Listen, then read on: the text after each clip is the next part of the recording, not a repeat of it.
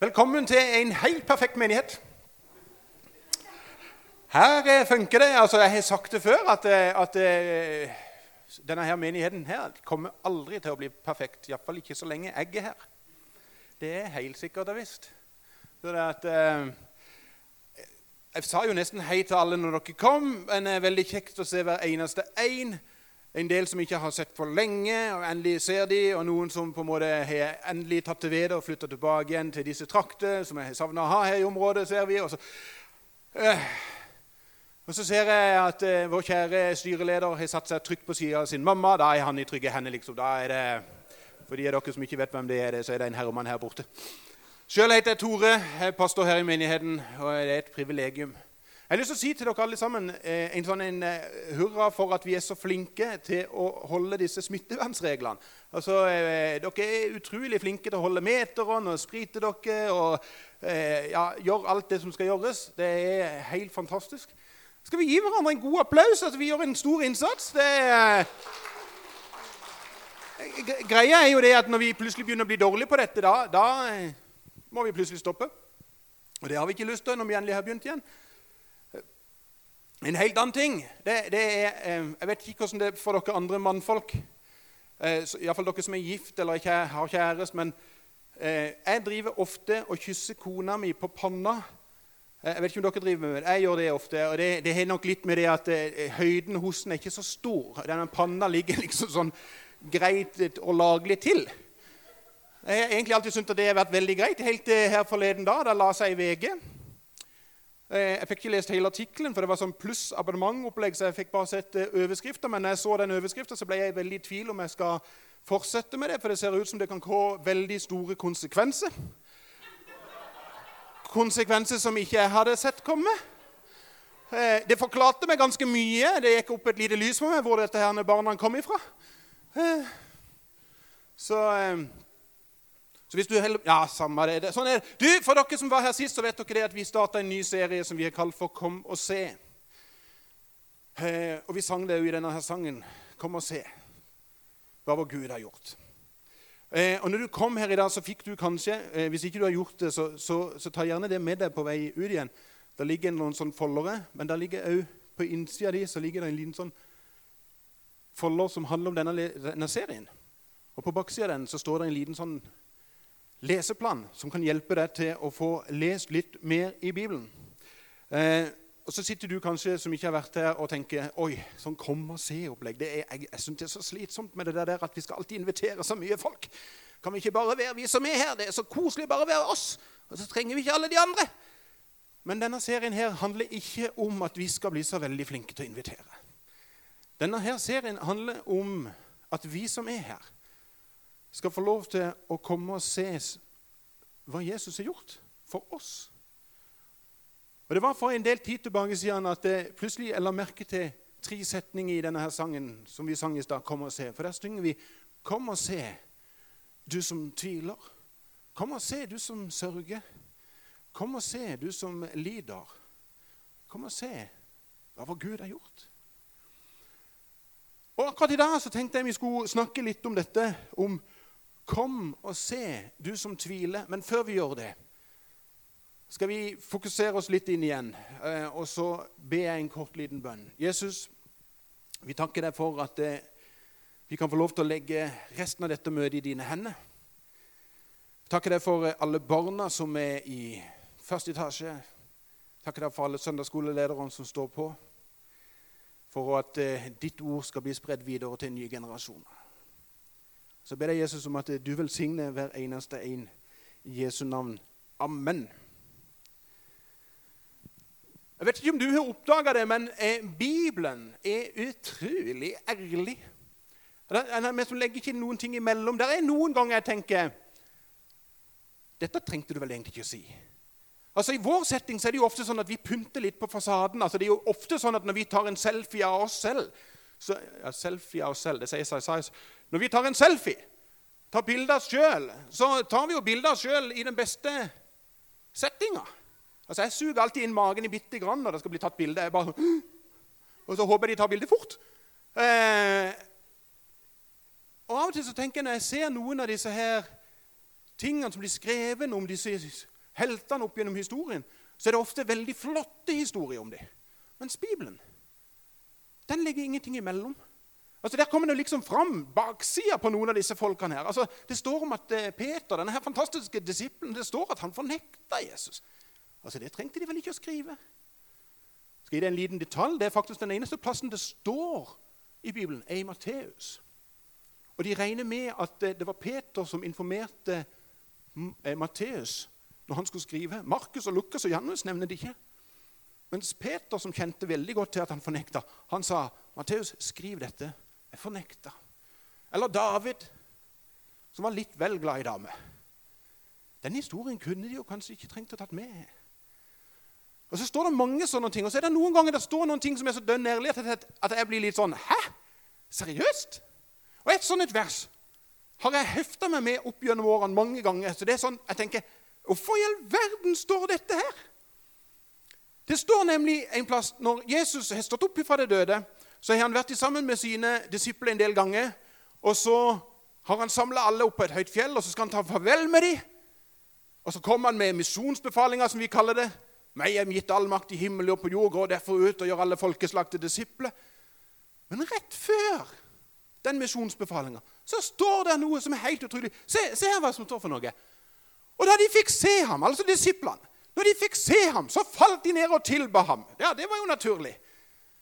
Og så stender det Men noen tvilte. Og da blir jeg litt sånn Hæ? Er det mulig? Altså, Disse har vært i sammen med Jesus i tre år. Altså, De har sett folk som har vært blinde, fått synet igjen. De har fått sett folk som har vært lamme, som begynte å gå. De har til og med sett Lasarus, som var steindød i flere dager. Det står til og med at det lukta dårlig av han. At Lasarus ble vekka opp til liv igjen. Og så har de sett Jesus lide korsdøden. De har sett han stått opp igjen. Og så står de framfor han nå, og så står det Og blant dem, og blant dem var det noen som tvilte. Og jeg blir litt sånn Er det, er det seriøst? Hvordan gjenger det an? Altså, når jeg vokste opp, eh, så var jeg veldig der. Etter hvert så har jeg blitt litt mer sånn takknemlig for at det faktisk står at det var noen av de som tvilte. For det forteller meg nemlig noe viktig.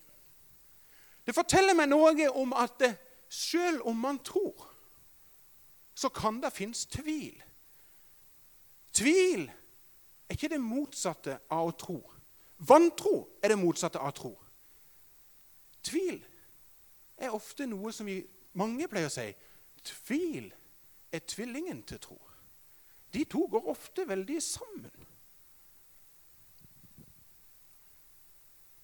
Når jeg vokste opp, så var det ikke så sjelden at en hørte noen folk si 'Hvor var du da Oddvar Brå brakk staven?' Vi skulle hatt en runde med noen av disse her som er på min alder og eldre. Jeg er nokså sikker på at de fleste vet hvor de var. Jeg vet veldig godt hvor jeg var. Jeg var åtte år gammel da Oddvar Brå brakk staven. Og jeg satt som klistra framfor skjermen, TV-skjermen hjemme hos en tante og onkel av meg. Og jeg var bare sånn Vant han, vant han, vant han? Og så vet vi som så at han brakte staven, at han fikk en gullmedalje den dagen der.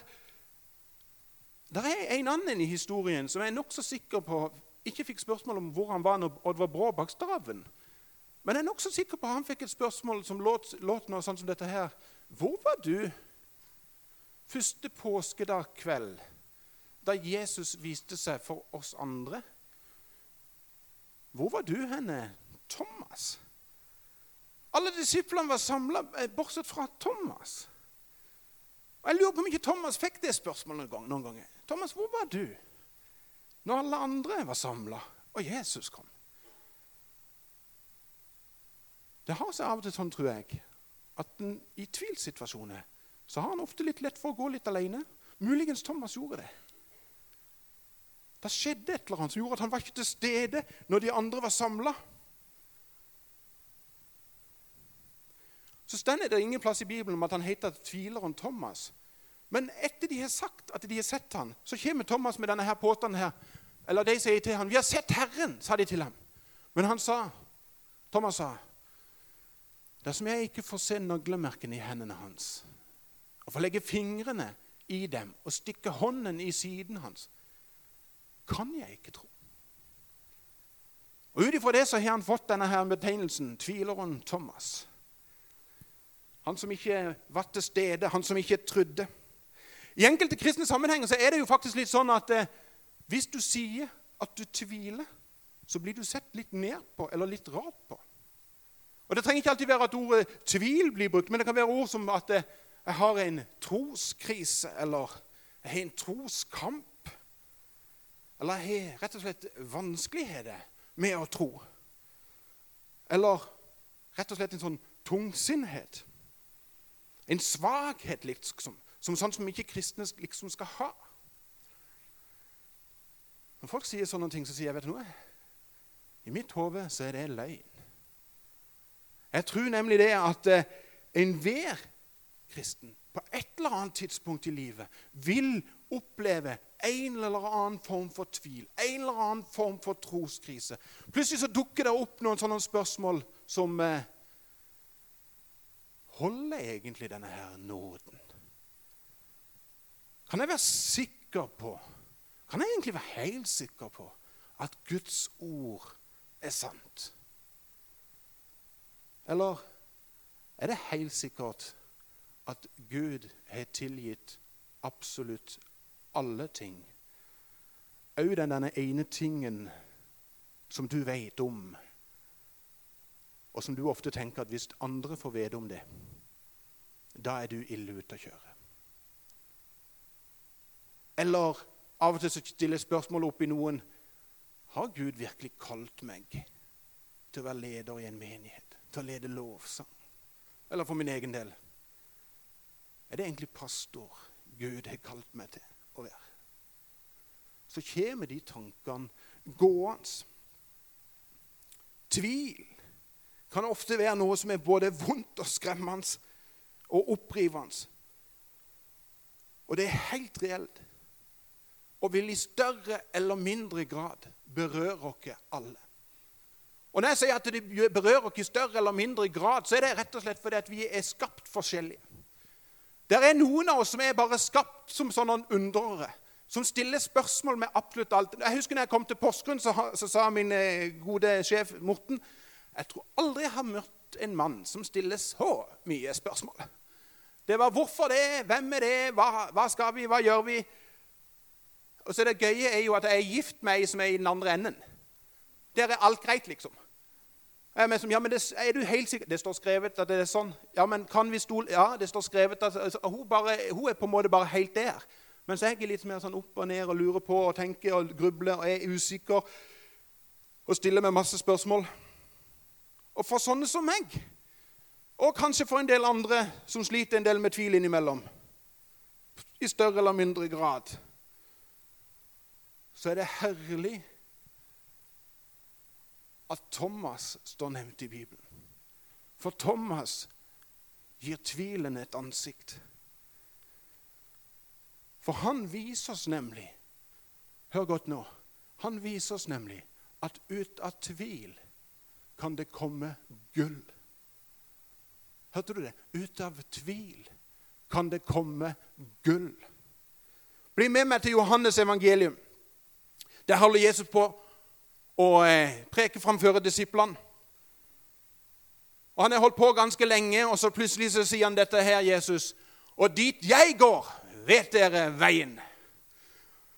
Og så har jo jeg litt livlig fantasi, så jeg ser jo før meg at det var noen av disiplene som var helt enige, og de hadde et liten sånn halleluja. Og så, yes, amen, Jesus, dette kan vi! Og så var det noen av de andre som var litt mer sånn Skal han gå? Hvor da? Uten at de sa det noen høyt i det hele tatt, bortsett fra Thomas. Han hadde jo en egenskap av å åpne munnen og på en måte sette ord på noen av disse tingene. For Thomas kommer det ut Thomas sier til ham, 'Herre' Vi vet ikke hvor du går. Hvordan kan vi da vite veien?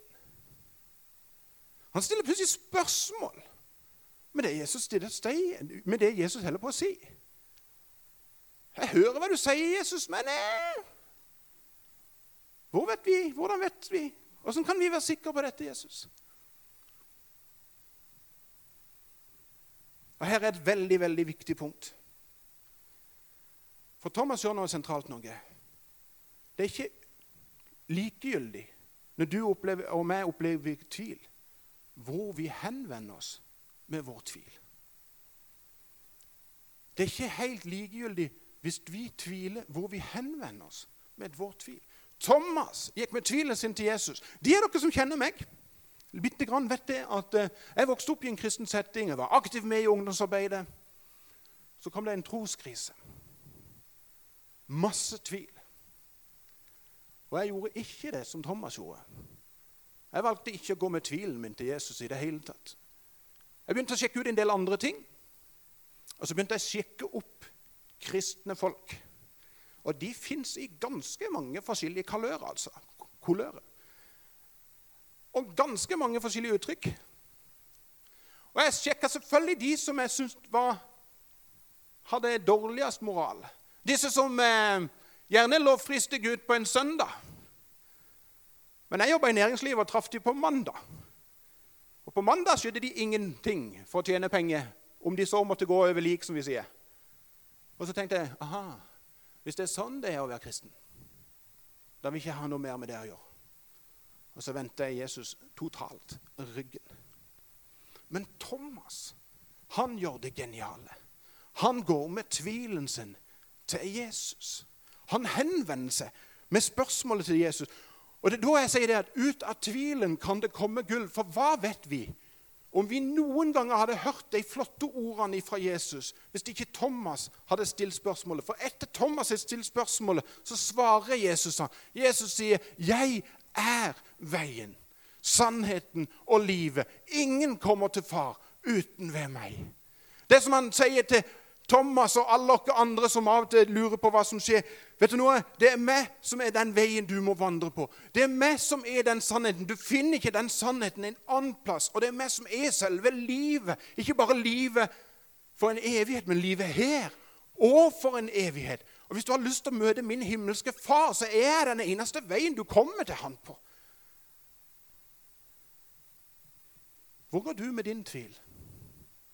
Du har de store spørsmålene og lurer på hva skjer nå. Du kjenner at troslivet får seg en smell. Gjør du som meg og vender deg vekk? Eller gjør du som Thomas? At du lar deg bli stående i den kampen. Jobbe med tvilen, men hele tida sammen med Jesus. Velge å fokusere inn i hans sitt ord. Velge å bruke tid i bønn i sammen med han, selv om du tviler på at han hører. Og kanskje det aller beste Hva med å bruke tid sammen med en del eldre kristne som vandrer lenge, som garantert til å oppleve noen troskrise? Og vet du noe? I samtale med de menneskene så vil du sannsynligvis oppleve at disse har funnet gull gjennom tvilen sin. Fordi de har erfart at gjennom tvilen så har relasjonen til Jesus blitt styrka. Det er det som er gull. Det er når vi får lov til å komme nærmere og nærmere Han. Thomas var den som satte ord på tvilen. Men når han møtte Jesus igjen, så var han den første til å si 'Min Herre og min Gud'.